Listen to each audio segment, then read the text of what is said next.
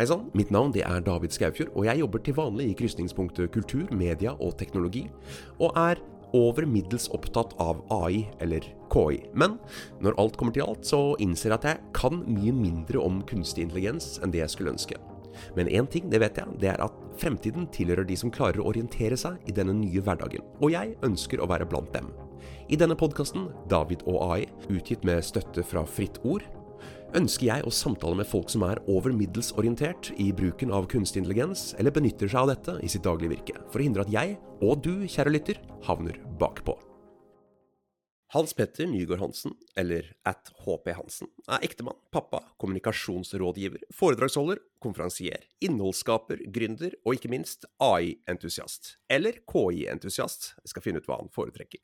Hans Petter driver nettstedet hanspetter.info og er regnet som en av landets mest populære foredragsholdere. Han har arbeida med data i over 40 år, og ble utdannet innen programmering allerede på slutten av 70-tallet.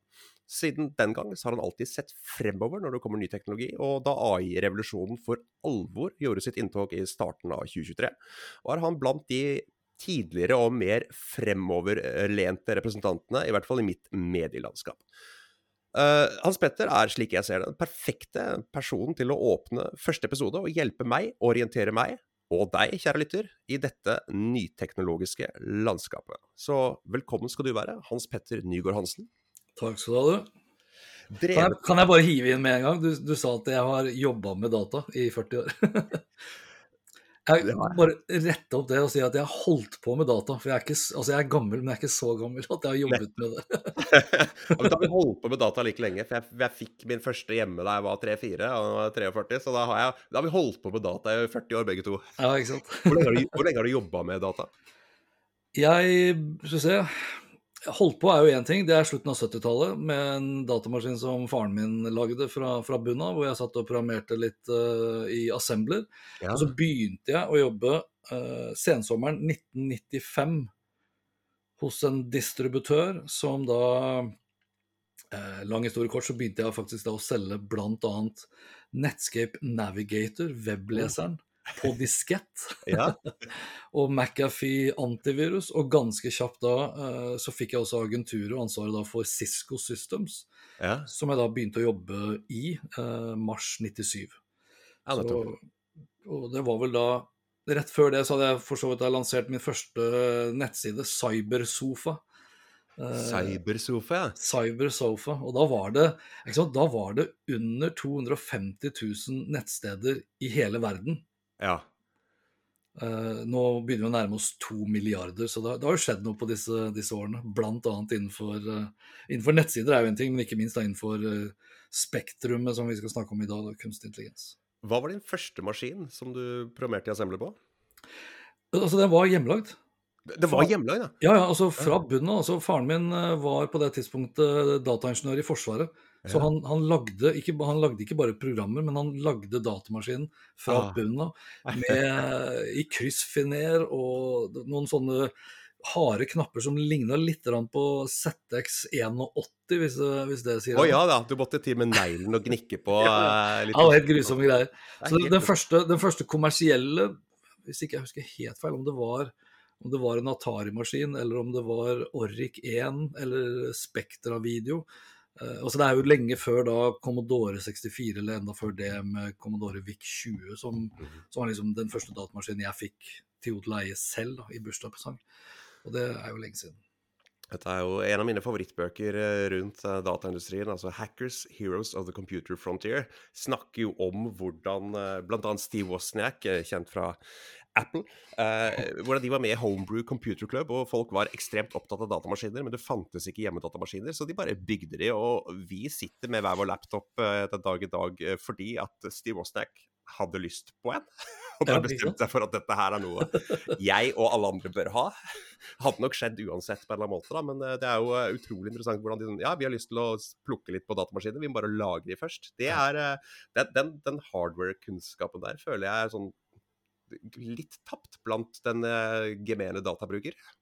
Ja, jeg tror altså Det er et viktig poeng akkurat det du sier der. Tapt eller uh, Altså, man, man, tar egentlig veldig mye for gitt nå i dag. Det er jo sånn vi kan vi har, altså Jeg har jo jobbet mange år i IT-bransjen, og jobber ikke i IT-bransjen nå, men vi hadde jo sånn tendens til å si at uh, Eh, de, de, aller fleste uh, vil jo aldri stikke innom IT-avdelingen og takke for at de hadde en god IT-dag på jobben. At printeren funket osv. Man, man bare tar for gitt at alt funker. Og dagens unge kan kanskje syte og klage hvis, uh, hvis, det er litt tidsforsinkelse på en eller annen video som kanskje hakker bitte litt på mobiltelefonen sin, ja. uten å tenke over at liksom, her snakker vi og milliarder av datapunkter som skal sendes mobilt ut av mobiltelefonen, eh, og liksom i litt sånn enkelt forklart, opp i verdensrommet og tilbake igjen for ja. å bli terminert gjennom noen servere og gjennom noen fiberkabler osv. videre Og, så og det i 4K, eh, full stereo, kanskje til og med Kanskje til og med immersive som sådan, med full surround etc. Og at det kan hakke litt da. Det, er det, det, er det, minste vi kan eh, vi, vi, Det er det minste vi egentlig burde uh, anerkjenne, holdt jeg på å si, fremfor å bare ta det for gitt at alt bare skal funke. Men herregud, når jeg begynner med sånne samtaler, liksom, så blir jo fort responsen der Ja, jeg hører deg. OK, boomer.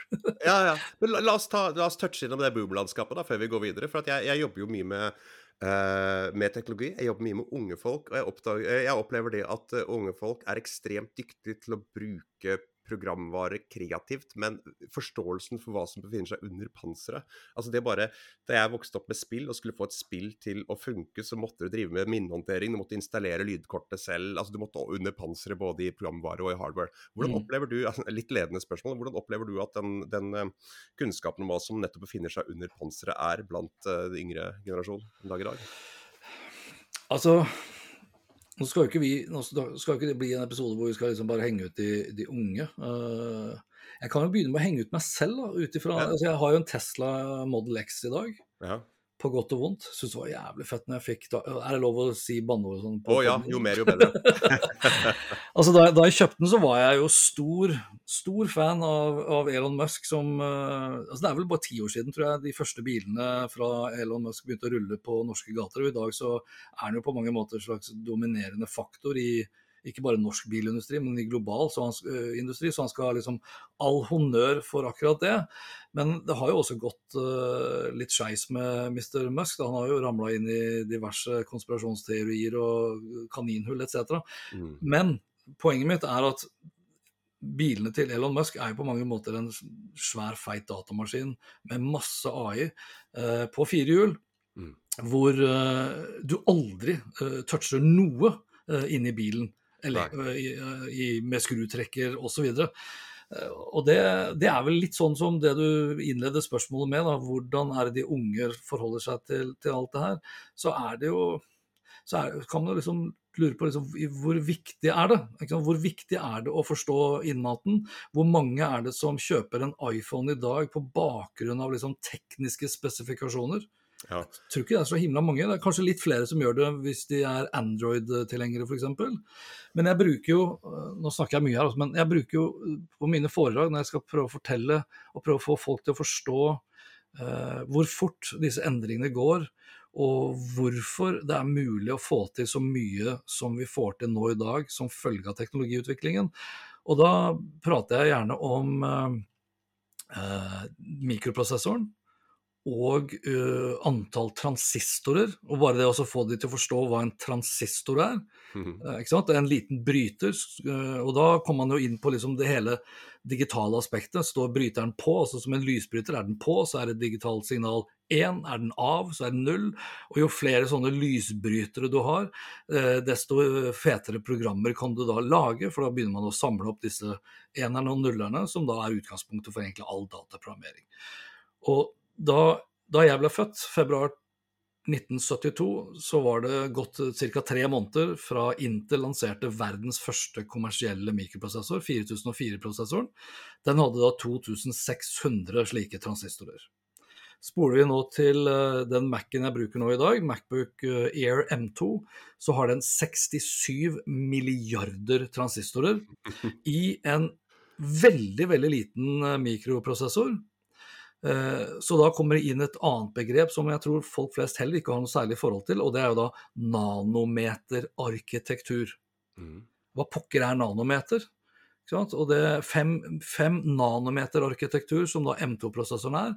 Så kan du jo ta liksom et hårstrå i dag som da har en bredde på et sted mellom 50 til 100 000 nanometer. De fleste ville si at liksom rent sånn teknologisk å lage noe som er på bredden av et hårstrå, er ganske imponerende i seg selv. Men det er 50 000-100 000 nanometer, mens disse forbanna transistorene, som da i 97% av tilfellet blir produsert nede i Taiwan av TSMC, mm. som eh, både altså Som kineserne hevder er en del av deres land, og som amerikanerne sier at nei, det er en del av den, det åpne, frie markedet, og vi skal forsvare det osv. Det er masse krigsretorikk som kommer som følge av den teknologiutviklingen. Og fem nanometer er bare litt bredere enn DNA-et vårt. Og når, når folk begynner å liksom ta inn over seg egentlig den sinnssyke endringen der da, på, på 50 år, da, fra 2600 transistorer til 67 milliarder transistorer, og da eh, er det 32 trillioner operasjoner eller kalkulasjoner den eh, Macbook, Pro, Macbook Air M2 klarer i, i sekundet, så begynner man å skjønne at liksom, hvis jeg kan hive på AI over her, eller en chat GPT, eller hva pokker det måtte være, så er det klart her kan jeg få til ganske mye som bare for kort tid siden var uh, helt science fiction. Ja, det er jo som du sier, 50 år. Det er jo helt eh, vanvittig. Er det, Moores lov som sier at i løpet av hvert tredje år så vil det være en dobling i antall uh... Altså, nå har jo han akkurat eh, gått inn i evigheten, det er ikke så lenge siden han forlot oss. Uh, Og han var jo en av opphavsmennene bak Intel back in the days. Noen sier at det er hvert, hvert 12. måned, andre hevder at det er hver 18. måned. Nå begynner man å nærme seg egentlig slutten på Moores law, fordi etter, etter iPhone 15, hvor arkitekturen er nå nede i 3 eh, nanometer, så begynner man å nærme seg et punkt hvor ikke det er mulig lenger. da. Sant? Å øke antall samtidig som det reduserer størrelsen osv. Og, så og da ser man jo når Apple også lanserer eh, M3 nå om kort tid, så vil de kanskje ha M3, og så vil de ha M3 Max eller kanskje Ultra, hvor de samme prosessorene egentlig er bare altså flere prosessorer er loddet sammen for å skape da enda råere samlet sett da, prosessor. Og så kan vi jo spole litt enda lenger frem i tiden, hvor eh, vi kanskje da snakker om kvantemaskiner, og da er det ikke de samme da er det ikke de samme reglene lenger som, som gjelder, da, for da kan, plutselig, eh, da kan plutselig verdien av en datafaktor både være 1 og 0 samtidig. Eh, Men nå begynner, vi, nå begynner vi å bli veldig tekniske, men det er klart, det er da folk liksom kanskje også begynner å tenke sånn her i de baner hvor herregud, hvis, hvis dette liksom sporer av og ikke vi har kontroll, hvordan i Ja. verden kan vi da liksom forsikre oss om at jeg håper å si verden består? Da blir det sånn Terminator-diskusjoner umiddelbart. Men, men Terminator-narrativet er jo et veldig, en veldig godt etablert trope i populærkulturen. Også en del av den diskursen rundt dette med kunstig intelligens. Jeg har bare lyst til å steppe et halvt til- steg tilbake og si det du sier med, med Tesla. Jeg eh, har helt samme oppfatning, for jeg er ikke bilinteressert, men jeg er veldig glad i Tesla. Og pleide å være veldig glad i Elon Musk. Det er veldig vanskelig å være på samme måte nå. Uh, men uansett, uh, Og han er en god produktfyr, det kan vi vel være enige om. Kanskje ikke så bra til å deale med folk og mm, sosiale nettverk. Nei, nei men, men det var jo også til hans forsvar. Da. Det var jo heller ikke Steve Jobs. Nei. Og, og det er jo også en del av du kan si, Det er mye bra med et demokratisk styresett. altså Da får du liksom med deg mennesker. Eh, Så kan man jo, hvis du skulle Hvis du er ivrig og og det er viktig å innovere raskt for å endre verden, Ja. så er jo et demokratisk styresett det dummeste du kan ha. ikke sant? Det beste er å bare ha én fuckings sjef som bare sier 'sånn skal det være'. Ja. Opplyst enevelde funker veldig bra i, i teknologi. Og så er det Jeg leste nettopp eh, Walter Isaacson-biografien om Elon Musk. Syns den var veldig god. Jeg likte den bedre enn en Steve Jobs-biografien hans. Og han har litt samme narrativet som er sånn Ja, eh, vanskelig, barndom, uh, geni, behandler folk dårlig, men eh, eh, man må se litt mellom fingrene på det når han gjør store ting. Litt av den, men samtidig, han forsvarer det ikke. Han bare forklarer det at det er i hvert fall den pakka som Musk også kommer med. Men, men, men når det kommer til ja, og det er, det er jo så mange her? Når du er inne på akkurat der, så kan jeg, må jeg nevne liksom den her uh, si, den legendariske, episke uh, reklamefilmen til Steve Jobs på 80-tallet. 1984 Nei, jeg tenker mer på The Crazy Ones. Ja. Mm. Ikke sant? Så, og, og det, altså i kort, lang historie kort, at uh, det er liksom de, det er kun de gale som, som våger å si at de skal forandre verden, og det er de også som da forandrer verden. Hitler var også gal. Ja. Napoleon var også gal. Uh, Lenin og Sta altså Det fins mange eksempler på da, gale mennesker som forandrer verden til det bedre, men det fins enda flere eksempler på gale mennesker som forandrer verden til det verre. Så vi skal ikke, ba, vi skal ikke hylle liksom, uh, disse galingene fordi vi sitter i dag med verdens feteste smarttelefon og smartklokke og nettbrett og det ene etter det andre. Vi, vi må også ta liksom inn over oss at det kan gå galt i den andre retningen også. Og det har jo f.eks. ikke eh, så veldig mange myndigheter gjort, med tanke på internetts spede start, sosiale medier sin spede start, eh, smarttelefoner som sådan, som i dag eh, det, levner vel liten tvil om at spredning av desinformasjon, eh, hatefulle ytringer, eh, falske nyheter, eh, algoritmer som manipulerer, eh, folk som sitter og bruker altfor mye av livet sitt på å glane ned i en eh, smarttelefon og bare scrolle på en algoritme som er liksom fòret for nettopp det formålet, ikke nødvendigvis er til det beste for verden som sådan. Nei, det, det, er jeg helt enig i. Men altså, en interessant altså, I Enigma Musk da, så har du også en Eh, et interessant fenomen. og Det er at han, han var med å starte OpenAI. Uh, han har trukket seg ut. Han har vært veldig vokal, veldig uttalt på at uh, han ønsker en kraftig regulering av uh, KI, samtidig som han er en av innovatørene bak kunstig intelligens. så kanskje han bare ønsker å regulere andre, eller kanskje han er genuint bekymra for, for utviklingen. Jeg, jeg, tror kanskje begge deler. Han vet, når han trakk seg ut av OpenAI, for han har jo en sånn Eh, tendens, i likhet med mange politikere, og det er å endre meningen sin alt mm. ettersom hvor vinden blåser. Mm. Altså han var, Norge, han var, jo i Stavanger på den her eh, Det heter jo ikke oljemessa, men folk forbinder Stavanger og den messa med olje. Han var her for ikke så lenge siden, og da babla han jo om at vi, ikke, vi må ikke slutte å liksom dra opp olje enda. Vi, vi, er, vi, er, ikke i nærheten av at vi kan liksom leve som nasjoner bare på batteri.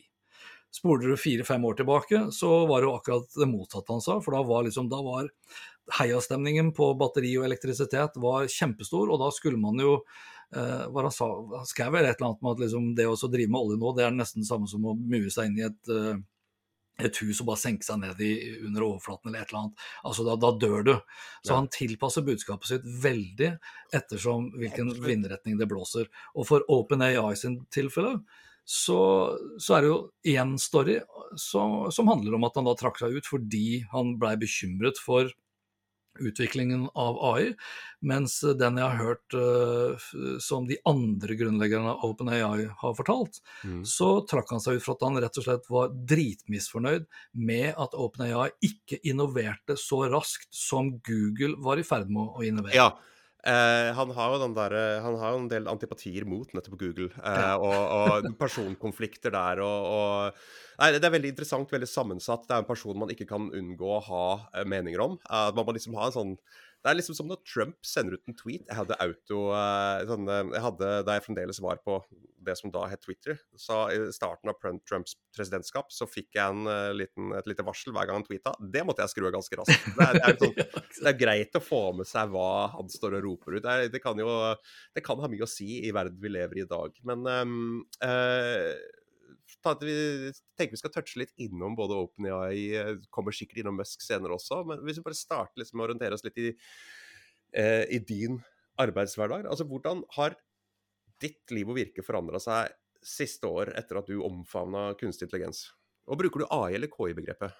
Ja, ikke sant. Eh, jeg, jeg, sier kunstig intelligens, og så skriver jeg kunstig intelligens. Ja. Mm, og hvis ikke jeg skal skrive kunstig intelligens, så skriver jeg nok AI. Ja. Uh, og det ja, det, det, er jo litt sånn forvirrende, men jeg tenker også litt, jeg tenker også litt søkemotoroptimalisering oppi her. Ja. og det, det, er jo AI i seg selv, det også. Absolutt. Så ja, ja nei, jeg er nok uh, Jeg er veldig for å bruke det norske språket etter mm. beste evne. Uh, så jeg, skriver, jeg skriver f.eks. stordata istedenfor big data. Ja. Og jeg skriver blokkjeder istedenfor blockchain. Ja. Ja, og jeg skriver ikke artificial intelligence, det gjør jeg ikke. Nei. Da skriver jeg AI, eller så skriver jeg kunstig intelligens. Men stordata, det, det, er intuitivt, det gir mening når du leser ordet. Men SD-forkortelsen, den hadde ikke gitt mening, så da må du forklare den. som en gang du må til å forklare noe, så er det bedre å bruke de mer populære engelske forkortelsene, syns jeg. Men jeg er veldig, veldig tilhenger av fornorsking av, av tekstspråket. Men uh, tekstspråket? Teknospråket. Uh, men, men, jeg er også litt på gjerdet der òg. Jeg tenker kanskje å Uh, ja, som du sier, uh, KI må av og til forklares hvis du snakker med lekfolk. Da må du ja. KI eller kunstig intelligens. At med en gang du må forklare en forkortelse, så har forkortelsen ikke noe verdi lenger.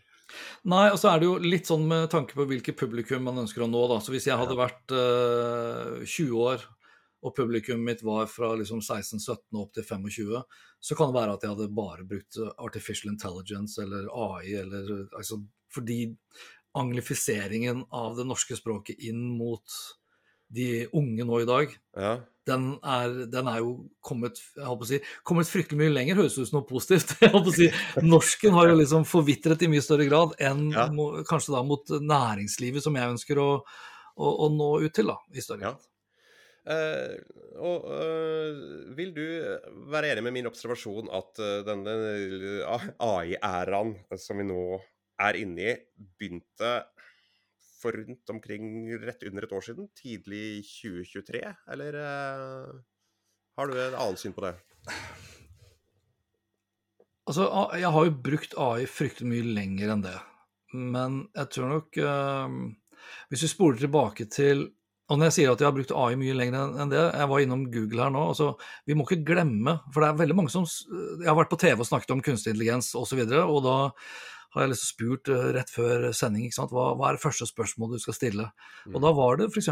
knyttet til OpenAI og ChatGPT, eh, eller ChatGPT, hvis vi skal være norske igjen. Hvor, uh, hvor, hun, programlederen da, sier at det første spørsmålet jeg kommer til å stille, er jo da når tror du Google kommer til å ta i bruk kunstig intelligens? Ja.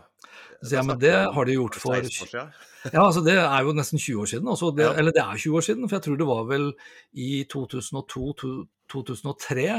eh, da Google eh, satte i gang denne page-ranken, f.eks., ja. som er en algoritme.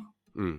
Det er, og en algoritme, en formel på liksom, hvis dette skjer, så skal dette skje, etc., er, eh, er en definisjon altså, Det er en del av sekkebetegnelsen kunstig intelligens.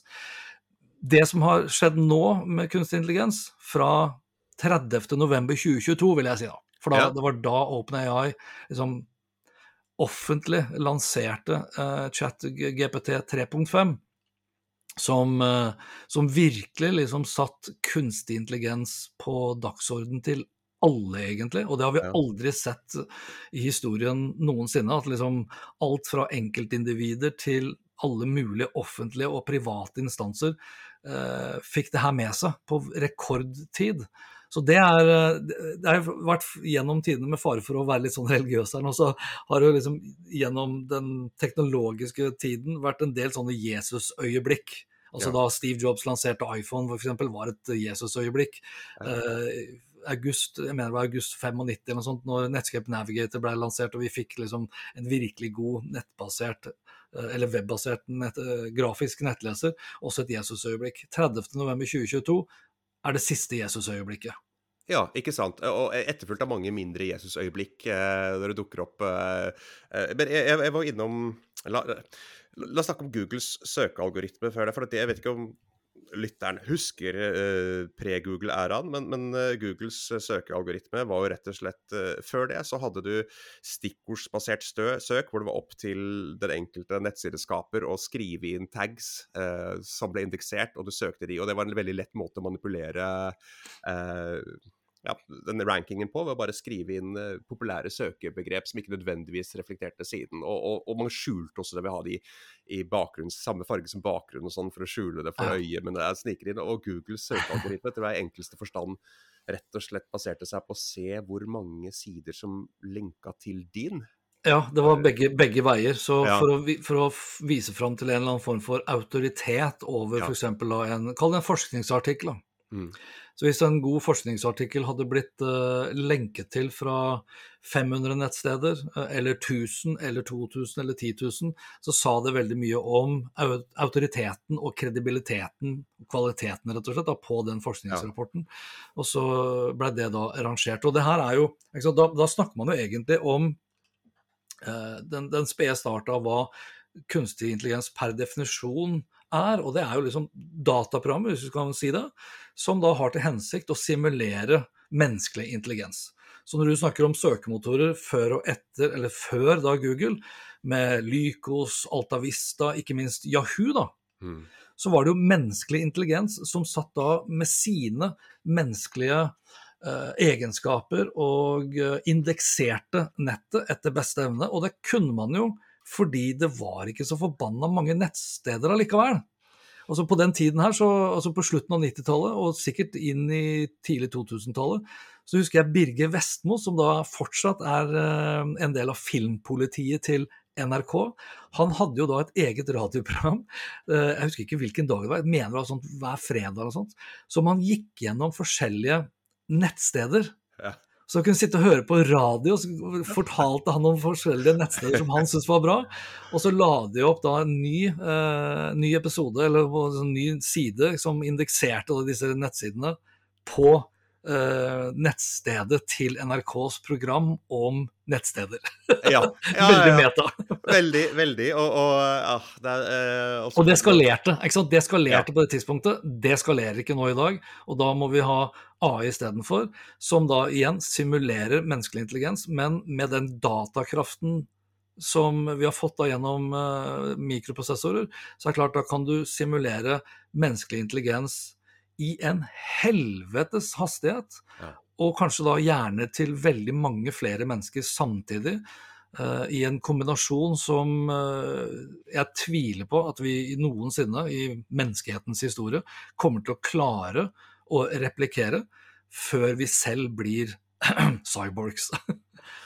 Ja, det, det, er også eh, ting jeg tenker vi skal, skal komme innom. for den der, den, hvis, hvis, man trekker linja videre, så er det det der at man nå har uh, gått, gått, fra altså Hvis du ser på hvor mye tid vi bruker med smarttelefonen, uh, hvor avhengighetsskapen den er, uh, ja. hvor nær vi er et fungerende lettvekt headset som vil se ut som noen briller, som vil rett og slett kunne gjøre at du kan ta bilder ved å bare blunke dobbelt, eller ikke sant. Altså, du, du kommer stadig nærmere, og, og, det å koble den på optiske nerven er jo en forlengelse av det her. Og da er du cyborg. Altså En person med pacemaker er jo i praksis en, en kyborg.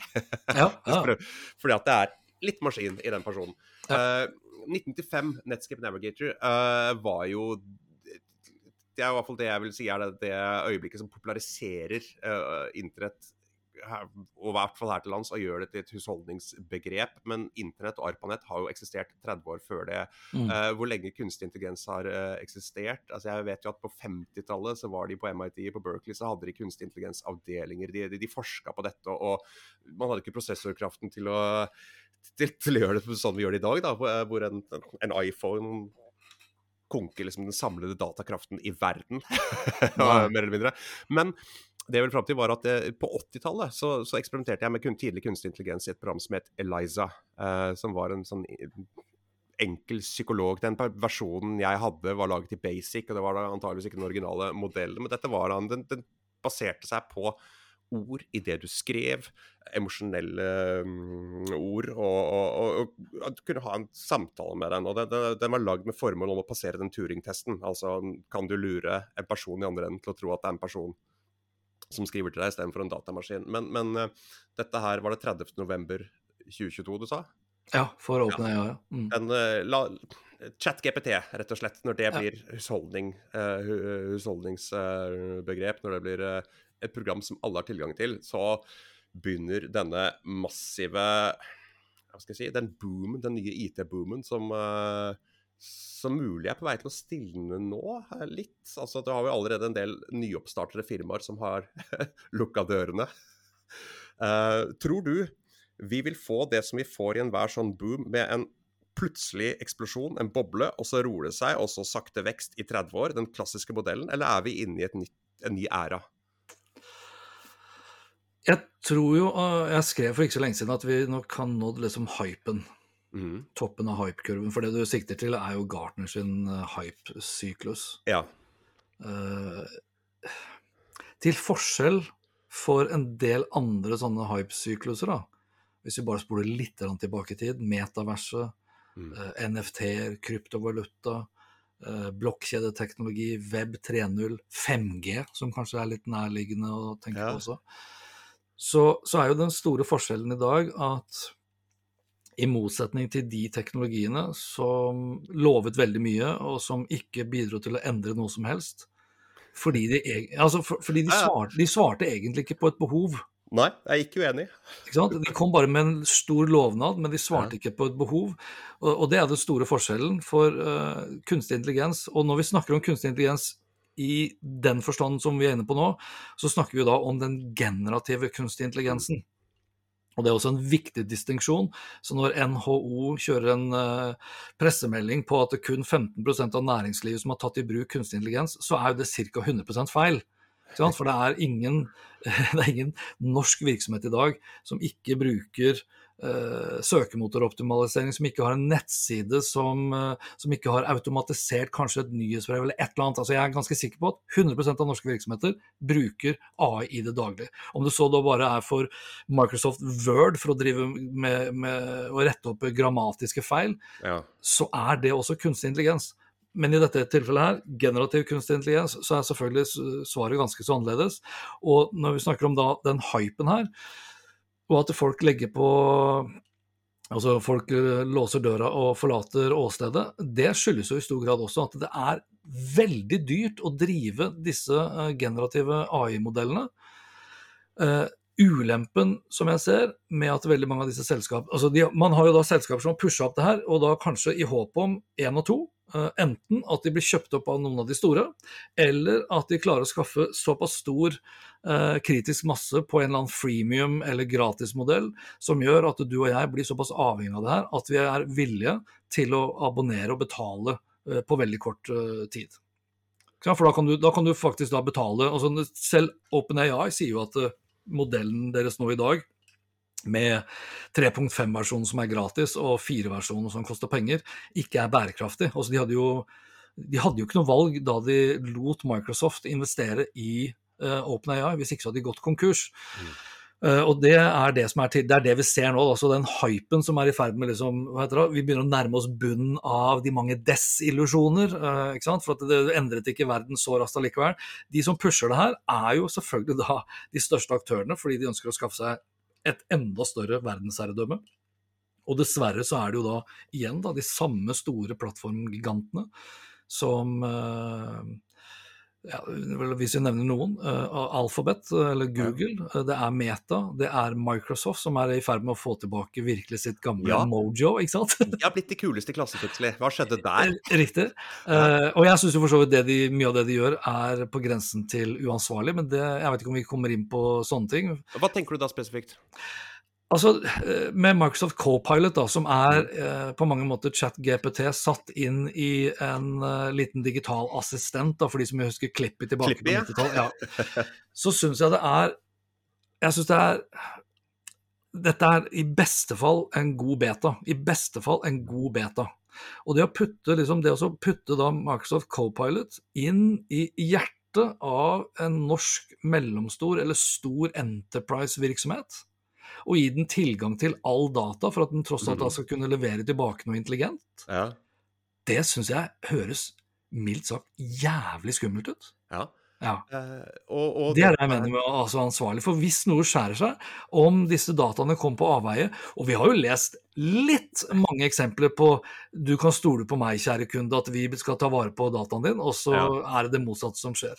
Alle har jo altså Cambridge Analytica på Facebook, altså det er et enorme tillitsbruddet der, som gjorde at jeg sa dette gidder jeg ikke mer. Jeg eh, logga av Facebook, eh, jeg sletta kontoen min, og kom tilbake to år senere da jeg hadde flytta til nytt sted og følte at jeg måtte være i kontakt med både lokalmiljø og uh, rett og slett uh, næring.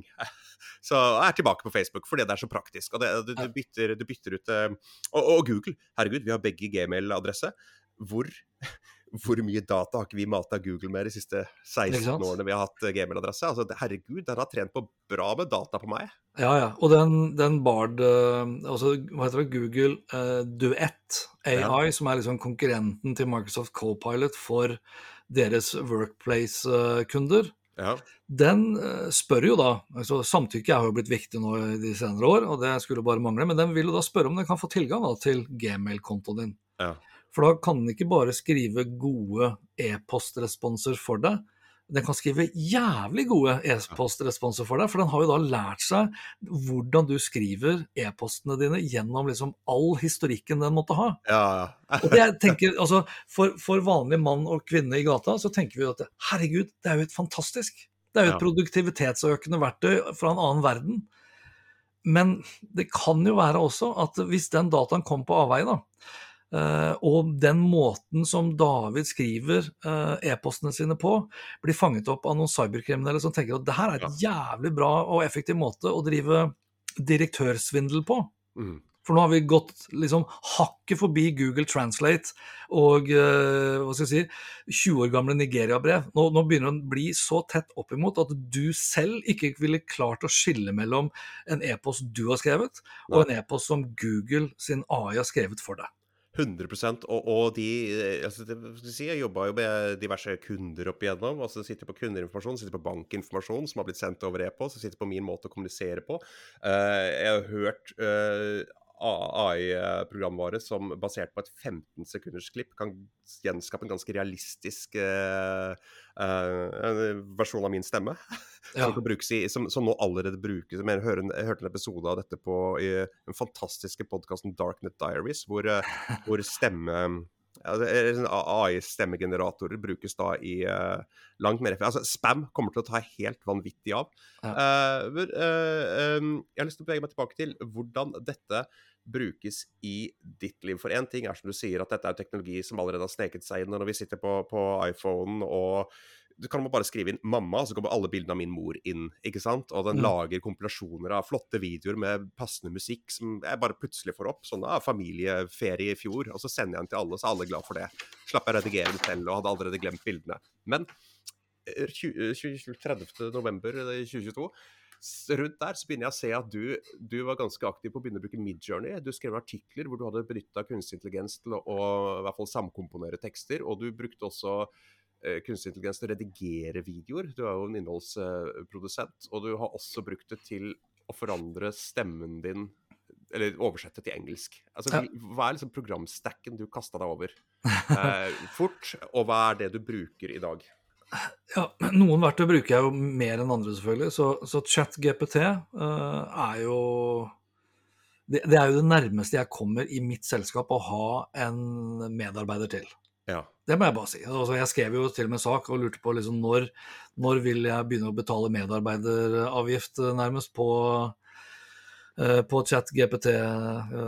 chat-GPT-assistenten. For jeg, jeg, jeg syns den har lært meg så godt å kjenne nå, eh, og jeg fører en såpass uh, uformell og personlig dialog uh, skriftlig. Men nå har jo selvfølgelig også da den uh, kommet av med støtte for, eh, for det å snakke. ja. Jeg syns ikke norsk til Altså, jeg synes, den snakker ikke så godt norsk ennå som, som den definitivt kommer til å gjøre. Men, eh, men ChatGPT i hvert fall ah, Jeg tror det, har vært, det hadde vært rett og slett krise hvis den hadde stengt.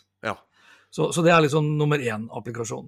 Og du betaler for fire, versjon fire? Ja, ja, selvfølgelig. Altså, jeg, bruker jo, jeg bruker jo ikke bare fireren sånn til å sitte og føre samtaler, men jeg bruker jo Nå har jo den også kommet av med hvor du begynner å velge litt uh, forskjellige varianter av den, avhengig av hva du er på jakt etter. sånn at uh, Nå er den jo integrert da med, med Bing, slik at den også da søker online. Så til å researche, Mm. uh, til å planlegge alt fra turer jeg skal på til, Om jeg skal til Bergen Eh, og når jeg burde reise osv., så, så er jo den, den er en fullverdig assistent. Da går den ut på nettet og leiter etter tidspunkter å dra, og hvilke flybilletter jeg burde bestille, og det ene til det andre.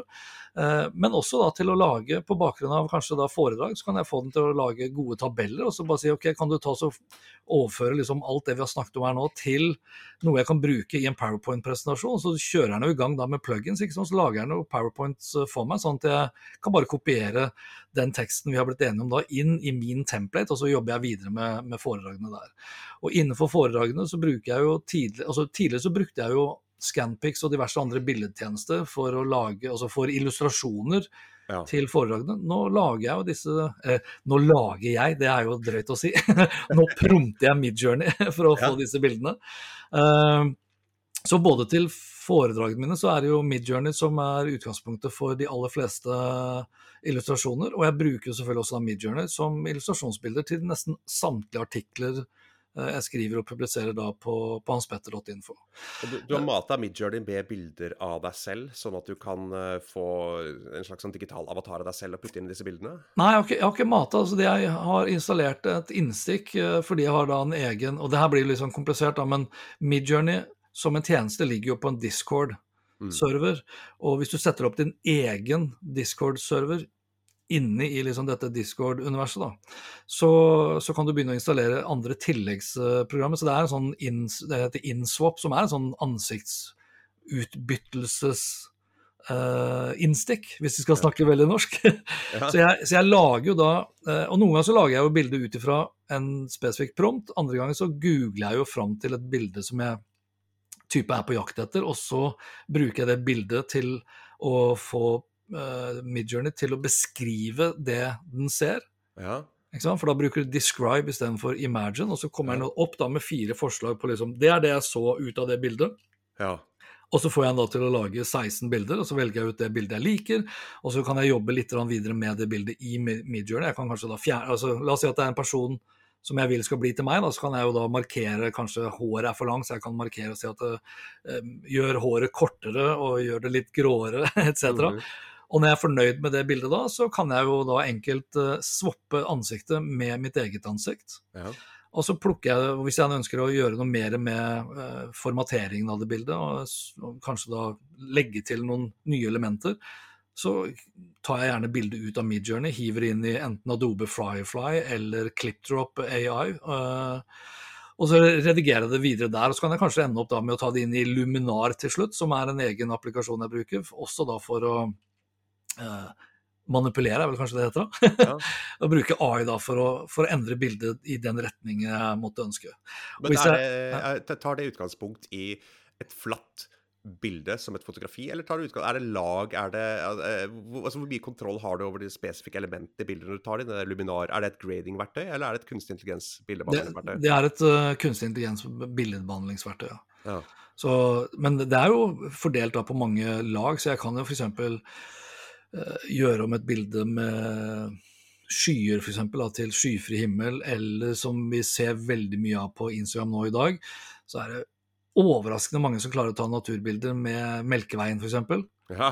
I 99 av tilfellet så er det bullshit, og hvis ikke det er Melkeveien, så er det jo uh, selvfølgelig Nordlyset osv. Så, videre. ja. så det er, det er så dessverre da, så har det gått eh, liksom, sport i det. Og det samme gjelder for så vidt en del sånne droneshots som også ser bare helt magiske ut. Ja. Som også er fake. Det er fryktelig mye fake. ja, det, det, her kommer vi til å se altså Jeg tenker at valgkampen, amerikanske valgkampen neste år kommer til å bli det store brytningspunktet for ja. Ja, det, det, kommer til å være et helvete, tror jeg. Uh, uh, men um, for å ta et mindre problem, eller for, for å være djevelens advokat på dette med at du finner et bilde på Google, du kjører det gjennom Midjourney, du leser ut, du ekstraherer eh, metadata eller bildeinformasjon, eller du får til å analysere dette. Dette er noe som jeg vet at norske illustratører og illustratører i utlandet Vi har allerede hatt en uh, Writers Guild og Screen Actors Guild-streik i USA, for de var, de var, bekymret for dette med kunstig intelligens. Eh, illustrat norske illustratører er med rette veldig opptatt av at de ikke ønsker at sine bilder skal brukes i opptreningen av data, for så å miste arbeidet til dem. Hva, hva tenker du om dette med, med, kreativ opphavsrett og trening av disse verktøyene? Ja, nå, Da må vi bare skille, da. For når jeg tar et bilde som noen andre har laget, mm. uh, og bruker det i Midjourney for at den bare skal skrive en prompt, ja. så det er, det, er en, distinkt forskjell. Mm fra Men det er klart, når jeg da har fått Midjourney til å skrive den prompten, ja. så vil jo det bildet den da genererer, eller de bildene den genererer, vil jo være basert på trent data ja. som kan komme da fra sant, eh, norske illustratører. Mm -hmm. Uten at jeg vet det. Ja.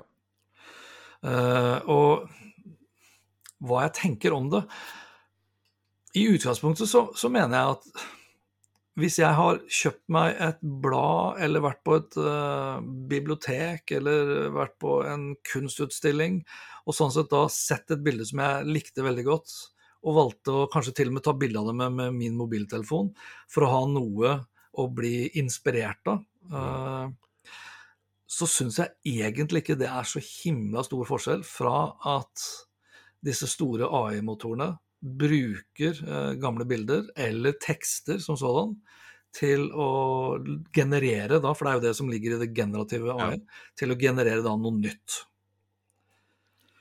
Jeg tror det veldig mange sliter litt med, er jo at A. Eh, disse aktørene spurte ikke om lov først. Nei.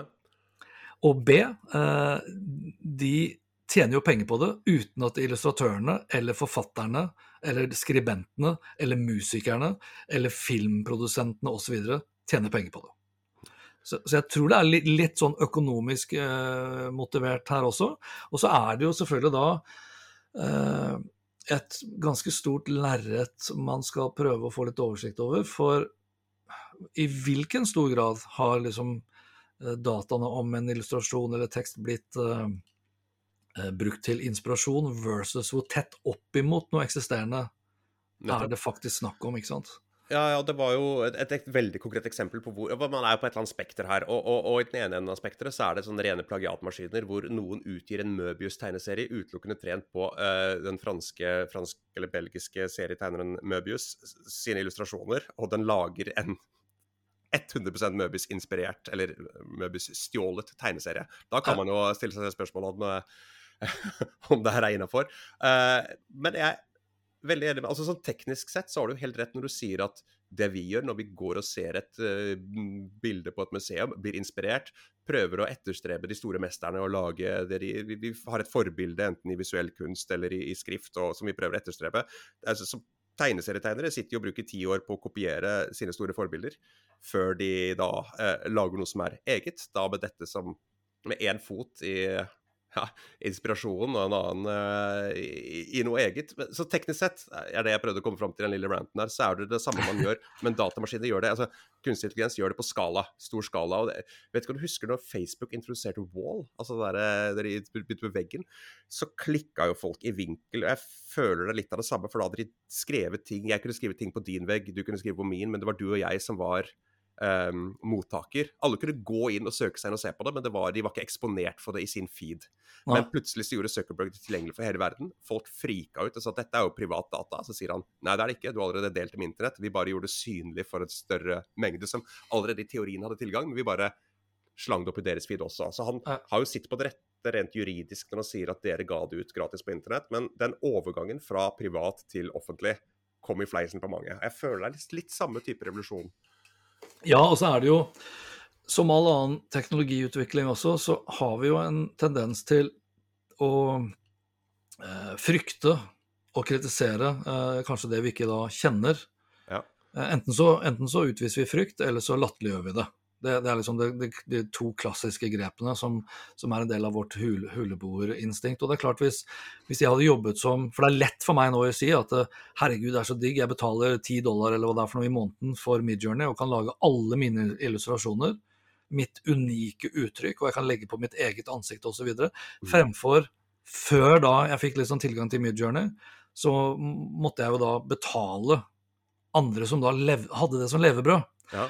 Og det forstår jeg veldig godt. Mm. Uh, og det er klart, hvis, uh, uh, hvis jeg skulle liksom knyttet det opp imot Hans Petter Lott Info og all den tekst, all den tiden jeg bruker da, på å skrive disse tekstene, f.eks., eller podkastene eller YouTube-videoene Hvis det var slik at det plutselig en dag dukket opp en eller annen AI-tjeneste som, som, gjorde at alt det jeg skrev, var ikke noe vits, det var ikke noe vits for meg å holde på, for det var en AI-motor som kunne skrive én million nettsider Eh, med én million artikler på hver million nettsider hver dag uten at det kosta en tåre i innsats, og det var mye bedre kvalitet. Ja. Så klart, Da hadde jeg også følt meg ekstremt truet av det. Og hvis det viste seg at bakgrunnen for det var nettopp de ti årene jeg har investert i å skrive på aspetter.info, så hadde jeg blitt mildt sagt indignert over det. Spesielt hvis ikke de hadde bedt meg om tillatelse engang. Så jeg jeg, ikke, jeg, skal ikke si at jeg liksom tilhører uh, bås nummer én eller bås nummer to. Uh, det jeg tilhører, er nok jeg, Man snakker ofte om liksom, er du negativ, er du, altså, er du optimistisk til denne teknologiutviklingen, er du pessimistisk til denne utviklingen? Jeg tilhører nok en dels optimistisk og er dels litt sånn fatalistisk, er det ikke det heter? Altså, hvor jeg tenker at det her er uunngåelig. Mm.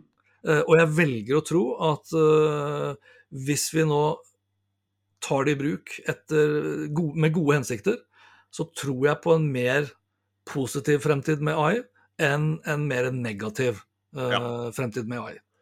Eh, jeg er i akkurat samme sjiktet, og, og, det er også grunnen til at jeg ønsker å gjøre denne podkasten her. For jeg ønsker hvordan kan vi få mer ut av AI-en enn den får ut av oss.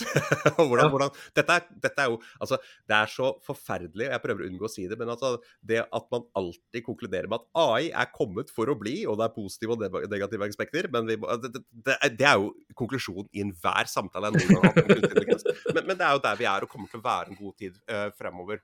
Um, så noe av det jeg også lurer på, er hvordan du integrerer i din arbeidshverdag. For at jeg bruker uh, ChatGPT i likhet med deg som en slags assistent, sparringspartner, uh, og, og, har stor nytte av det. Og herregud, for en assistent. Men du, du nevner at du prompta i, uh, i ChatGPT. Du tar ting over i PowerPoint. Du, du, du, du prompter Midjourney. Du tar det over i to forskjellige programmer.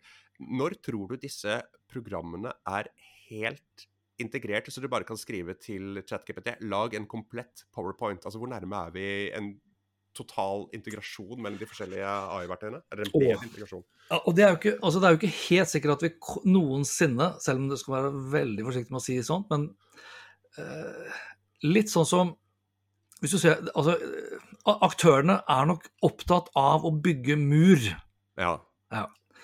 Så på samme måte som Apple i dag, så syns jeg jo liksom Apple er helt fantastisk til å bygge et økosystem hvor tjenester flyter liksom på tvers av de forskjellige Apple-produktene. De gjør det på en helt unik måte, ja. fordi de da eier både hardwaren og, og programvaren og OS-et, og til og med også da chipsettet osv., så, videre, så de kan skape en vanvittig brukeropplevelse på den måten. Google har tilsvarende tilnærming, men da liksom i veldig stor grad av programvareorientert, og så har de begynt med mobiltelefoner og et par andre produkter osv. Samsung gjør det samme, Meta ikke minst gjør det samme, men de vil jo helst lage noe som er såpass unikt og så lukket som du ikke kan bruke på tvers av de ja. selskapene seg imellom. Og det tror jeg nok vil skje også i tilfelle AI, selv om da Microsoft f.eks. nå da, med Copilot vil jo gjøre sitt beste for at du kan bruke Copilot da til først og kanskje da binge eh, med GPT for ja. å gjøre da en research, for å finne fram til akkurat det du er på jakt etter, for å lage da en artikkel eller en kronikk eller en pressemelding eller en powerpoint. Og når du da har sittet og, og interagert med co-piloten på GPT-nivå, så kan du kanskje løfte den videre inn i Excel for at du skal ha noen tabeller og noen utregninger. Og så kan du løfte det videre da inn i PowerPoint, som du sier. Eh, og alt da sammen uh, ved å bare snakke til, til co-piloten. Vi er jo ikke der ennå, men det er sannsynlig at vi vil komme dit uh, heller før enn senere. Hvorfor tror du at Siri Altså, jeg har min egen teori på det her, men jeg er interessert i hva du mener. Hvorfor tror du Siri er så jævlig dårlig? Hvorfor er det det dårligste kunstig intelligensverktøyet vi har? Fordi den er, jo, den er jo koblet av internett på mange måter. Ja. Så den er jo den sikreste, fordi den lever jo da sitt liv i telefonen din. Mens uh, eh, f.eks. da Google sin assistent, den lever jo uh, i nettverket ditt inntil du da sier 'Hei, Google'. Ja. Og når du da stiller spørsmål, så vil den jo da gå ut på det åpne internett, hvor de har samla data fra alle verdens borgere i gud veit hvor mange år. Ja. Så, For det er, det er, litt sånn shit in, shit out. Så Apple har jo ikke all den eh, dataen som gjør at den kunstige intelligensen blir såpass god som vi ser da både Microsoft har blitt, og eh, Google har blitt, og Amazon antageligvis kommer til å bli, og ByteDance sine tjenester også kommer til å bli. Apple er jo, så vidt jeg har skjønt, altså selv om det er jo Alle har jo Ingen av de store tech-gigantene har vel eh, våre interesser. Det er ikke det som driver dem, det er vel sine egne. Men Apple har jo vært i hvert fall blant de beste i klassen på dette med, med privacy, dette med sikkerhet etc. Det har vært veldig mye lettere å, å, å skru av ting på Apple enn å, å unngå å bli spora, rett og slett. At, og, og det har jo det har jo vært eh, Mange har jo ønska at eh, mange programvareleverandører til Apple skulle ønske at Apple var eh, mindre på bakbeina der, men som forbruker så er jeg veldig positiv til dette. Men, men min teori om hvorfor Siri er i anførselstegn såpass dårlig, har jo vært at um, Tim Cook uh, i uh, Steve Jobs ånd har jo ikke vært spesielt positiv til å ha et Ville nok, i hvert fall ikke sånn jeg leser det, vært positiv til å ha et verktøy på en perfekt telefon som er upresist og hallusinerer. Og som finner på ting, og som påstår ting, og som plutselig siterer Mein Kampf. Uh, altså, det, det, jeg tror det er noe der, men jeg er ikke sikker, for de må jo sitte på en del data. Apple. De er ikke sånn at de har Jo da, det er det. Altså, det, det gjør de nok. Men det vi må huske på, er For det første så er Apple antageligvis verdens beste selskap når det kommer til å skape et positivt narrativ om seg selv. Ja. Utrolig god historieforteller. Sånn, vi sitter, vi kobler av samfunnet rundt oss og livet rundt oss en time i hvert fall når Apple skal lansere nye produkter. Det er Å, ja, ja. en time med reklame, ikke sant? og vi bare, vi bare sitter og sluker eh, det de sier. Husk på at eh, Apple er jo et av disse store teknologiselskapene som ikke, i motsetning til alle de andre, eh, er avhengig av å tjene penger på dine og mine dataer. Det gjør ikke Apple. Nei. Og det er klart, hvis du ikke trenger å tjene penger på data, så kan de jo selvfølgelig da gi F i den dataen, og sånn sett da fortelle en historie som bare handler om personvern og sikkerhet istedenfor. Og nå miljøvern. Det var den nye greia på eh, iPhone 15. Ja. Hva, hva tenker du om det, forresten? Så du, jeg regner med at du også, i likhet med meg satt våken og så på den? Altså Da må vi jo bringe litt kontekst inn i, inn i bildet, her, da, men det var vel ti minutters video med moder jord. Ja. eh, som da selvfølgelig Altså, jeg, har, jeg sitter jo og ser på de her seansene her med en god bransjekollega meg, Eirik Normann Hansen. Ja. Og, og vi sitter også og da humrer litt over at vi faktisk da vi drar hjem til hverandre eller på kontoret. Vi bruker masse penger på god mat, og liksom det er underholdning av stor, stor klasse for å se disse reklamefilmene. Og, og nå har jo nå har det jo gått fra Jeg tror i 19, nei, sorry, I 2007, det blir litt sånn lang kontekst her, men i 2007, da Steve Jobs lanserte første iPhonen, så brukte han ti sekunder av totalt 79 minutter til å snakke om kamera. Mhm.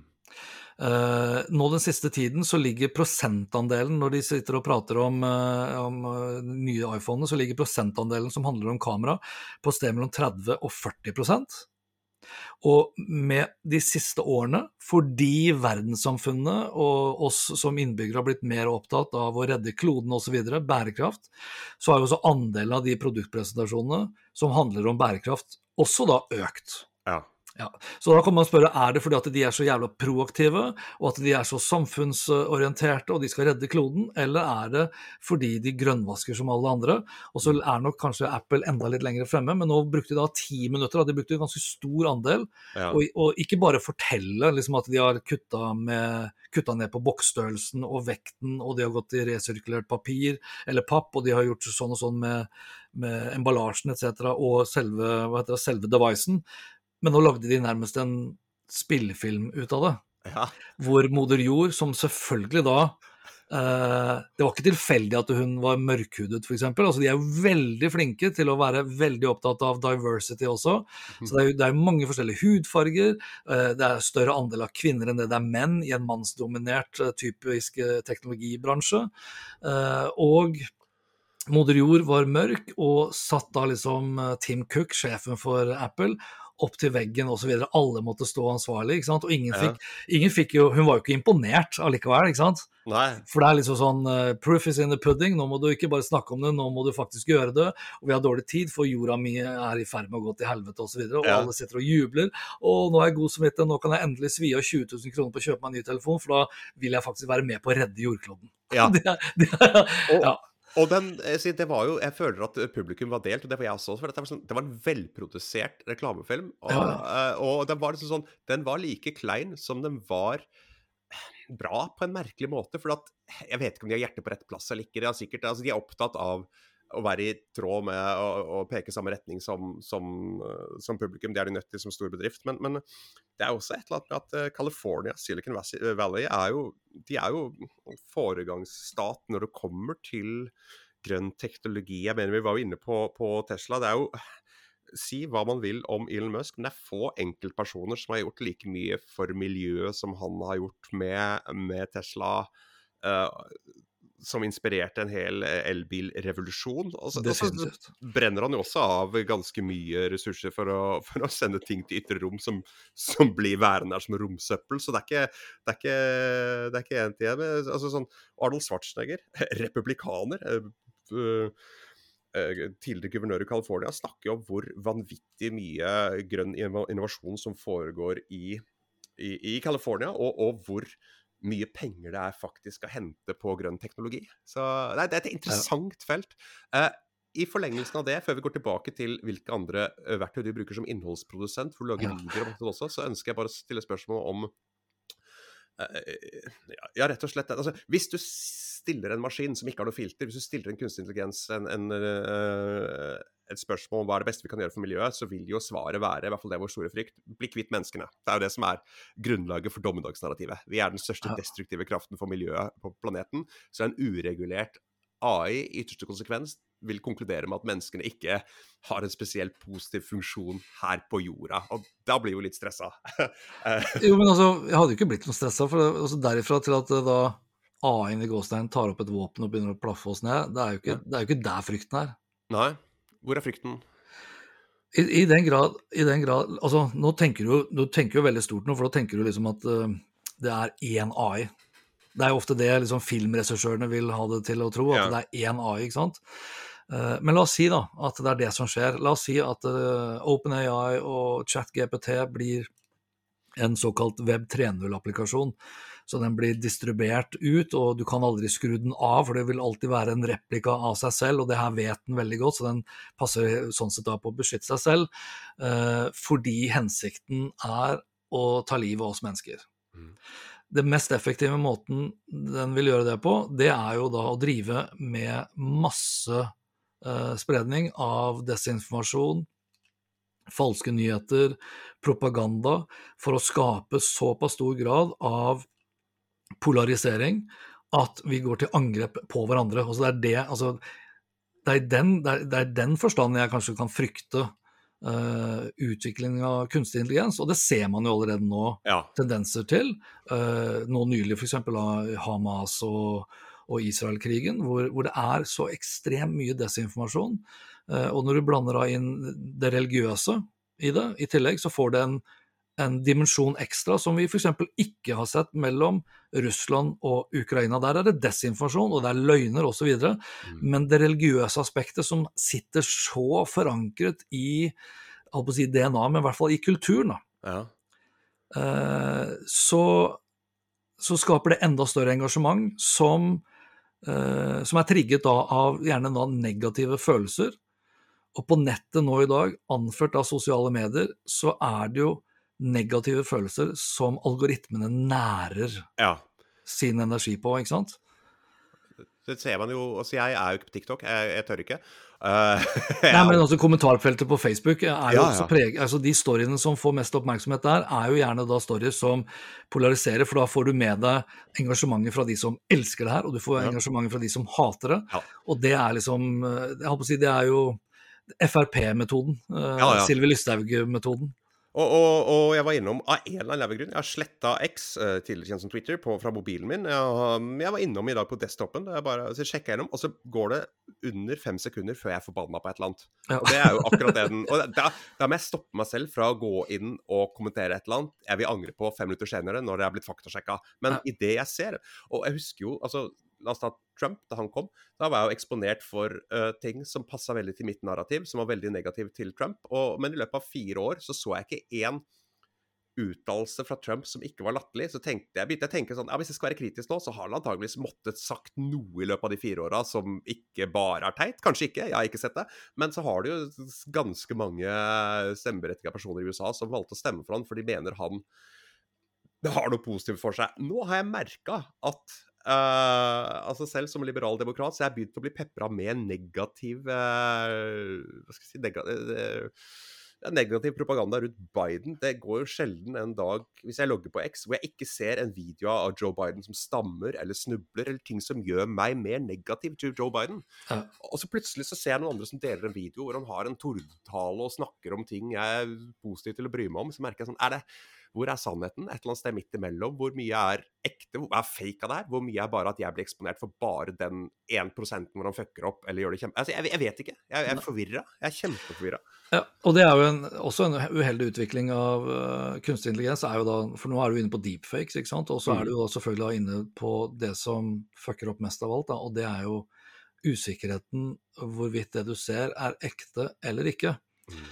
Uh, og da kan man begynne å snakke om altså, reguleringer og politisk kontroll, og kanskje til og med gjøre enkelte ting forbudt, f.eks., for eller ikke. Jeg synes det er, uh, Som et konkret eksempel, så syns jeg det er spesielt at uh, norske politikere ikke får lov til å drive med politisk reklame på liksom klassiske medier som radio og, og TV og papiraviser. Mm. Men det er ingenting som hindrer dem å bruke penger da, på å drive politisk reklame i sosiale medier, som tross alt er de plattformene som folk flest bruker mesteparten av sin digitale tid på. Dessverre. Så Der burde det kanskje vært et forbud. Eh, I TikTok-tilfellet, altså TikTok-tilfellet, som har den mest spekulative algoritmen, og som kommer fra eh, et Kina som vi vet har store ambisjoner om å liksom bli den neste store supermakten, ja. by all means, eh, og som vi har så ufattelig mange eksempler på har drevet med cyberspionasje. Mm. Eh, de, stjal, de stjal jo helseinformasjon fra tre millioner nordmenn for noen år tilbake, etc. Så når det er en så stor eh, sikkerhetsrisiko på toppen av det hele, ja. hvis du hadde tatt liksom kombinasjonen av algoritmer som fucker opp folks mentale helse, og at det er en fare for nasjonens uh, sikkerhet, hvis dette hadde vært noe du drakk eller noe du spiste, ja så hadde jo Mattilsynet forbudt det her eh, asap. ikke sant? Ja. Men i stedet for så gjør vi ingenting. I stedet for så har vi en justisminister som kjøper seg en mobiltelefon ekstra, bare sånn at hun kan liksom fortsette å bygge sin fame på, på TikTok. Og vi har et politivesen som eh, hyrer inn tiåringer og får nasjonal mediedekning av det, fordi de tiåringene, på tross alt av en plattform som har 13 års aldersgrense, uh, blir brukt da til at politiet skal bli uh, TikTok-eksperter og lære seg å danse, samtidig som oh, stadig flere ungdommer blir knivstukket i gata. Altså, det er så, jeg syns det er så Akkurat sånne ting. Da, ja. da kan man jo skjønne at tilliten til det offentlige, tilliten til politimyndigheter, tillit til politikere, eh, og for så vidt også gjennom sosiale medier og algoritmer som manipulerer og desinformerer, at også tilliten til journalister også da eh, faller fra. For journalistene har jo også bidratt i stor grad fordi de skal da kjempe om oppmerksomheten dine, altså dine øynes fokus på plattformer versus redaktørstyrte medier, så blir det jo til at man da også går for de samme sensasjonelle, sjokkarta eh, overskriftene. Fordi de skal tross alt konkurrere. Også Dagbladet, ja, ja. For eksempel, som en gang var en seriøs kulturavis, ja. er liksom ca. 100% søppel. Ja, ja, ja. Og, og nrk.no har en voldsom TikTok-misunnelse. Det ser du jo, fordi de har mista unge folk. Og hva gjør de? Og de skal konkurrere med den kuleste klassen, som er TikTok. Og, og for eksempel, Nå blir jo Amerika veldig ofte nevnt, og unge folk får tydeligvis gjennomgå denne podkasten her. Og sånn kommer det til å bli når, når vi to prater. Men, men, men altså, nasjonal... I USA, så nasjonalfølelse Jo, men Hva sa du nå? At unge får gjennomgå, er det det du sier? Ja. Mm. Nei, altså, husk på det her. ja, nei, det syns jeg. Det er, det er, ikke riktig. Altså, De som jobber nå for å nå de unge, de er jo voksne. Ja, ja. ja. Og når vi da, altså For det her er en viktig distinksjon. Mm. Uh, når vi da, så, Det var jo bare forleden dag, altså nå er vi jo kommet til 20. oktober, men forleden dag så la Opinion ut Ung24-rapporten. Mm. Som klart og tydelig viser at de unge nå velger vekk i økende grad TikTok og Instagram bruker mindre tid på mobiltelefonen fordi ja. de merker at det har negative konsekvenser. Ja. Når de unge nå i dag, i kun 10% av tilfellet i den undersøkelsen, sier at de er optimistiske til fremtiden, 10% altså 9 av 10 ungdom er ikke optimistiske til fremtiden, så skyldes det i stor grad det budskapet de ser, de nyhetene som blir spredd, om ja. de er falske eller ikke, er på plattformer som er laget av mennesker som har i ett formål til sikte, vil jeg påstå. Ja. Det er å tjene penger. Ja. Altså Meta, Meta, kan gjerne si så mange ganger de ønsker at de er opptatt av, De er opptatt av et deltakerdemokrati ja. og liksom the public square discussion osv. Mm. De er opptatt av å tjene penger. Apple, som du sa i stad, er opptatt av å redde jordkloden. Hvis de hadde vært så jævlig opptatt av å redde jorda med bærekraftige løsninger, så hadde de antakeligvis også solgt produktene sine mye billigere. I stedet for så har de 2000 milliarder dollar på bok and counting. Samme gjelder Google også. Enormt med penger.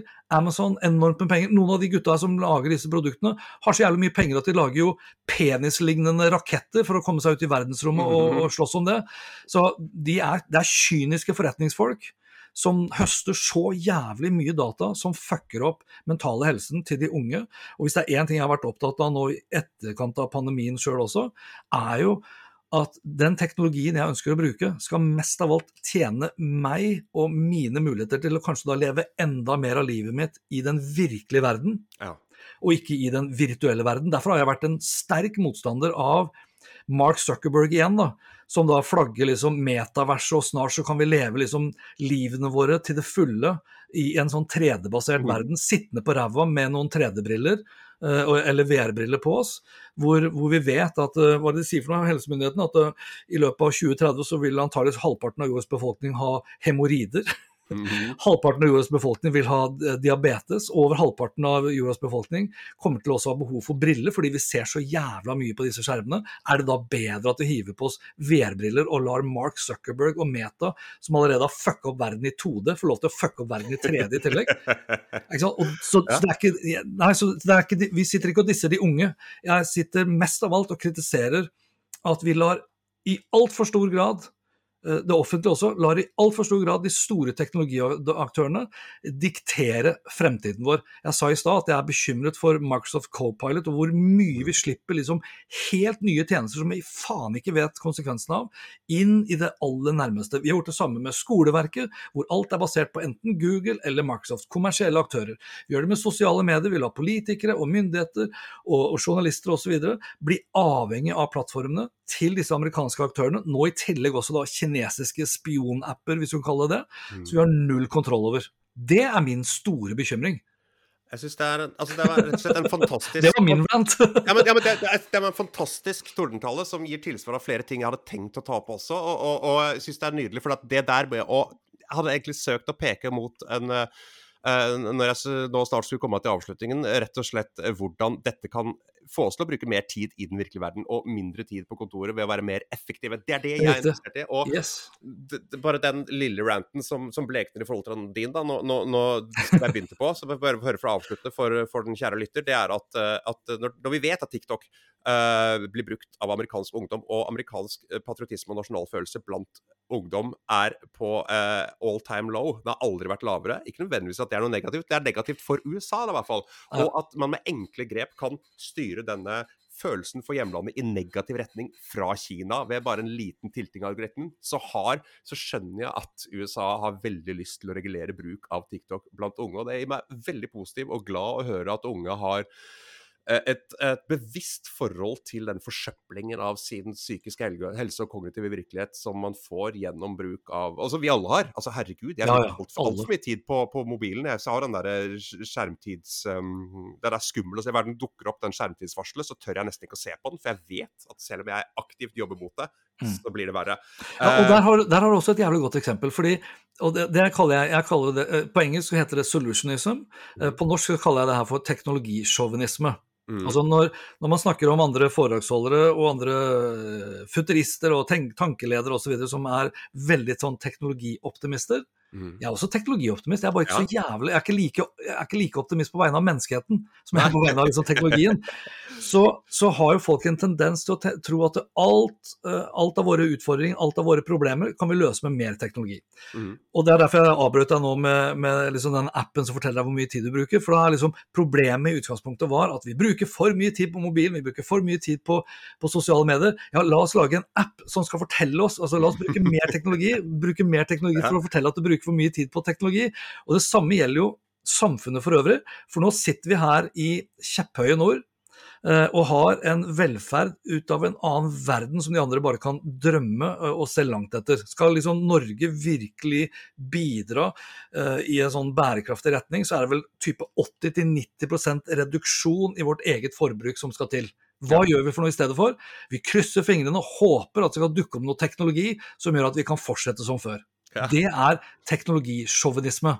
Mm. Da tar du ikke ansvar sjøl. Og, det og, og det er det jeg mener med også, å, å ta kontroll over ditt eget teknologiforhold. Enten så kan du bruke da AI, sånn at du kan slippe å bruke så mye tid på kanskje kjedelig research, om du så er da en advokatsekretær, eller om Ja. det handler om å komme opp med noen gode ideer, eller noen andre nyanser, eller eksempler til kronikker etc. Men i hvert fall ta såpass kontroll da, over ditt eget teknologibruk slik at du kan leve mer på ekte. Altså, vi har jo Jeg syns det er så Det store paradokset og den store ironien i dag er jo at vi har aldri hatt så mye tilgang f.eks. til eh, andre mennesker å kunne snakke med, enten om det er sånn som vi gjør nå i dag, eh, for vi sitter jo ikke i samme studio. Så vi kan snakke med hverandre gjennom digitale plattformer, vi kan konversere gjennom digitale plattformer osv. Men vi sliter jo i økende grad å faktisk da snakke med hverandre fysisk når vi møtes. Eh, vi, vi, eh, vi, vi sitter jo i mye større grad og føler på ensomheten, selv om ikke vi er alene. For det ene er en følelse. Det å være ensom er en følelse. Det å være alene, det er noe fysisk. Og bare det å øve på å faktisk da være alene, men samtidig kjenne på ikke ensomheten, men på tilstedeværelsen f.eks., da må du kanskje legge fra deg mobiltelefonen. Eh, Da er det to ting jeg har lyst til å liksom, eh, spørre deg om i, i uh, den bolken her. Uh, og Det ene er rett og slett bare for å avrunde det der teknologien du faktisk bruker. Og det andre er Ja. uh, veien framover. For du er jo en naturmann. Jeg har sett på, du, du er jo veldig glad i å være ute i naturen og, og gå offline. Altså Du har jo veksler mellom veldig online og veldig offline. Liv, Ja. virker det som. Uh, men du er innholdsprodusent, du lager videoer. Vi snakka litt om det, hvordan du lager powerpointer og sånn. Men når du lager videoer og andre, eh, andre vert, resten av arbeidsstacken din, rett og slett, bare for å Ja. gjennom det, hvordan kan jeg gjøre mitt lille firma mer produktivt som med, liten mediebedrift? Foruten da ChatGPT og Midjourney, som er de to viktigste. Nummer tre faktisk er også et skriveverktøy som benytter seg også av eh, GPT-teknologi. Det heter Write Sonic. Som da syns jeg fungerer veldig bra til å bl.a. da lete frem eh, andre artikler som folk har skrevet, eh, til å kanskje da komme og hjelpe meg da med nye innfallsvinkler osv. Uh, vi har jo vært innom det her med for Når vi snakker om AI og generativ AI, så er det jo mye tekst har vi snakket om. Vi har snakket litt om bilder, og vi var så vidt innom deepfake-teknologi. Og alt handler jo egentlig da om syntetisk, eh, syntetisk innhold, egentlig. Og Eleven Labs er jo et sånt verktøy som da lager en syntetisk utgave av din og min stemme.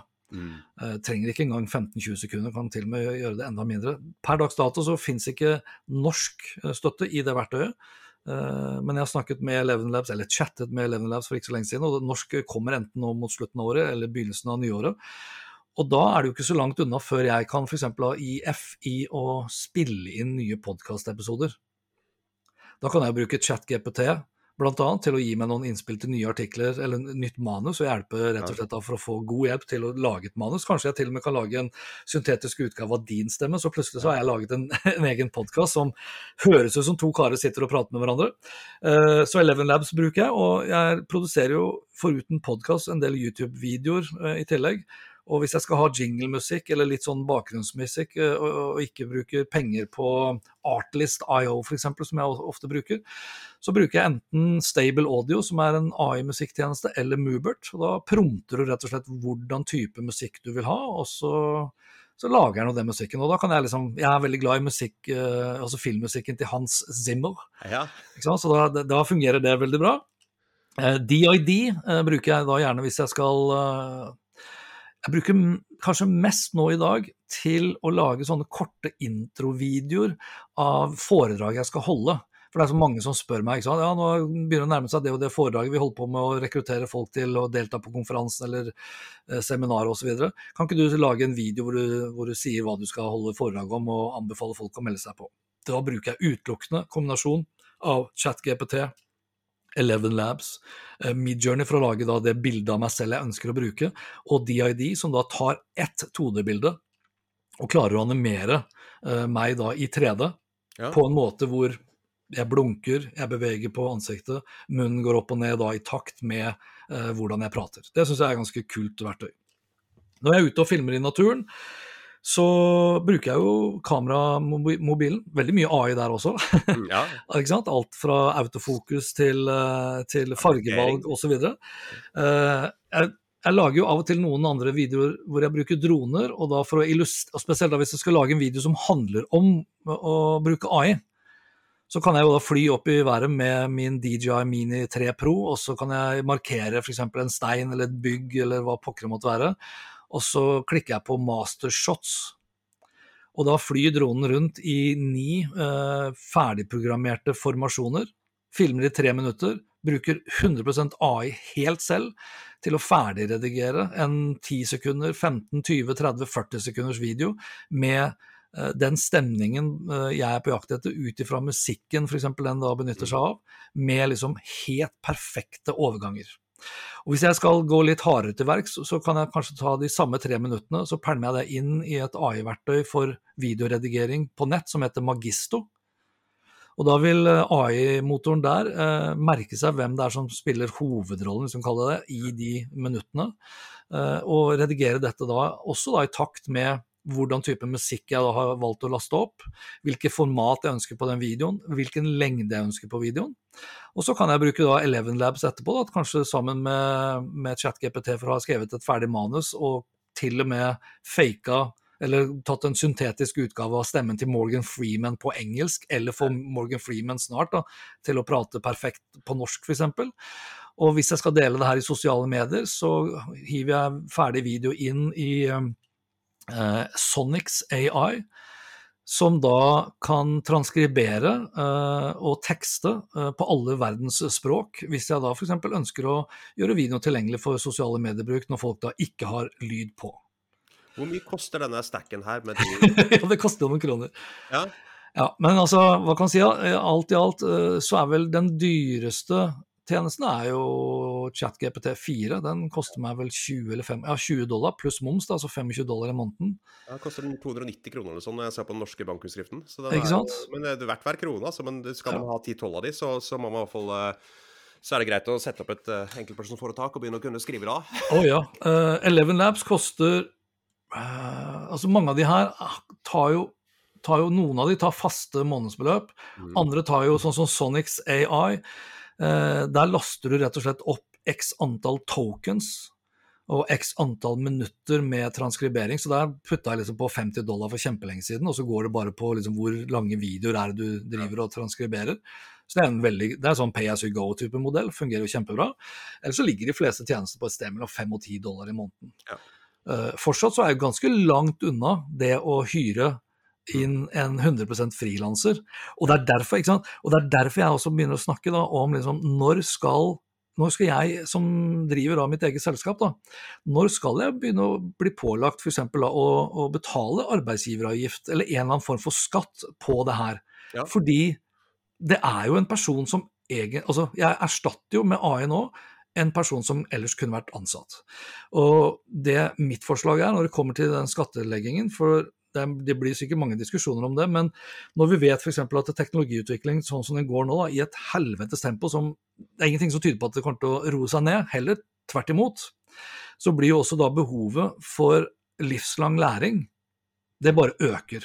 Så hvordan skal vi forsikre oss, nå som vi vet at bare i Norge så begynner vi å nærme oss en tre kvart million sysselsatte mennesker omtrent, som ikke har liksom digitale ferdigheter per definisjon i dag. Og hvis de kan bli utsatt for disrupsjon, vi skal kalle det, av AI, så må jo de ha mye større grad av aktiv, eh, vi, altså aktiv eh, læring. Mm. Så kunne det vært sånn at eh, både mitt selskap og diverse andre selskaper nå som begynner å høste fordeler av liksom produktivitetsgevinstene ved å bruke AI, kanskje innbetalt i en eller annen form for skatt da, til det offentlige, som da finansierte sånn livslangs læringsprosjekter. Ja. Både til de som er i arbeid, men kanskje til de som må omstille seg til å finne annet arbeid, f.eks. Jeg er 100% overbevist om at det er akkurat det som kommer til å skje. Jeg skulle ønske det var et godt norsk ord for disrupt. Uh, men det, altså det, den der endringen som skjer nå, er at noen arbeidsplasser vil forsvinne. Samtidig andre vil Altså, jeg har muligheter gjennom mitt arbeid, du har muligheter gjennom ditt arbeid som vi ikke hadde for kort tid siden. Ja. Uh, og, og, så, så det, det, vil jo skape masse ting, men det vil endre masse ting også. og det å igjen, En av grunnene til at jeg gjør dette, her, er å ønske å være fremoverlent og finne ut hvordan jeg kan bruke det i mitt liv. Hvordan lytteren kan bruke det i sitt liv til å faktisk eh, sikre arbeidsmuligheter i fremtiden. Og, og, akkurat derfor jeg har lyst til å snakke med deg, som er en person som har gjort dette, som, som har en sunn skepsis til denne, denne teknologien, men også var blant de første som jeg så som benytta seg av det i ditt virke. Uh, og, og, du var som inne på det, men hvor er vi? Hvor er vi om Eller for å egentlig bruke ditt eget spørsmål mot deg, hvor, uh, hvordan kan vi bruke disse verktøyene til å få mer tid sammen med familien, mer tid i naturen. og ikke bli slaver av algoritmen. Hvordan kan vi i praksis gjøre det der utopien til virkelighet? Ja, ikke sant. Altså For det første så er vi jo Da er vi tilbake egentlig til den der hype-kurven. Mm. For per dags dato så er det jo de som Altså per dags dato, de som pusher AI, er først og fremst de som direkte eller indirekte tjener på å pushe AI. Mm. Det har altså det har ikke disrupta, eller da, hva heter det Det heter jo fortrengningsteknologi på godt norsk. På dårlig norsk. Ja, eller på dårlig norsk. Språkrådet kom opp med fortrengningsteknologi, altså da ny teknologi som fortrenger eh, eksisterende forretningsmodeller, er en fin måte å si det på, egentlig. Ja.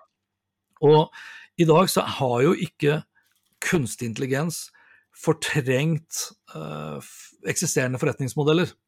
Og jeg tror heller ikke at morgendagens jobber i særlig stor grad kommer til å bli eh, borte som følge av kunstig intelligens. Jeg tror kunstig intelligens sammen med mennesker kommer nok til å utkonkurrere mennesker uten kunstig intelligens, først og fremst. Ja.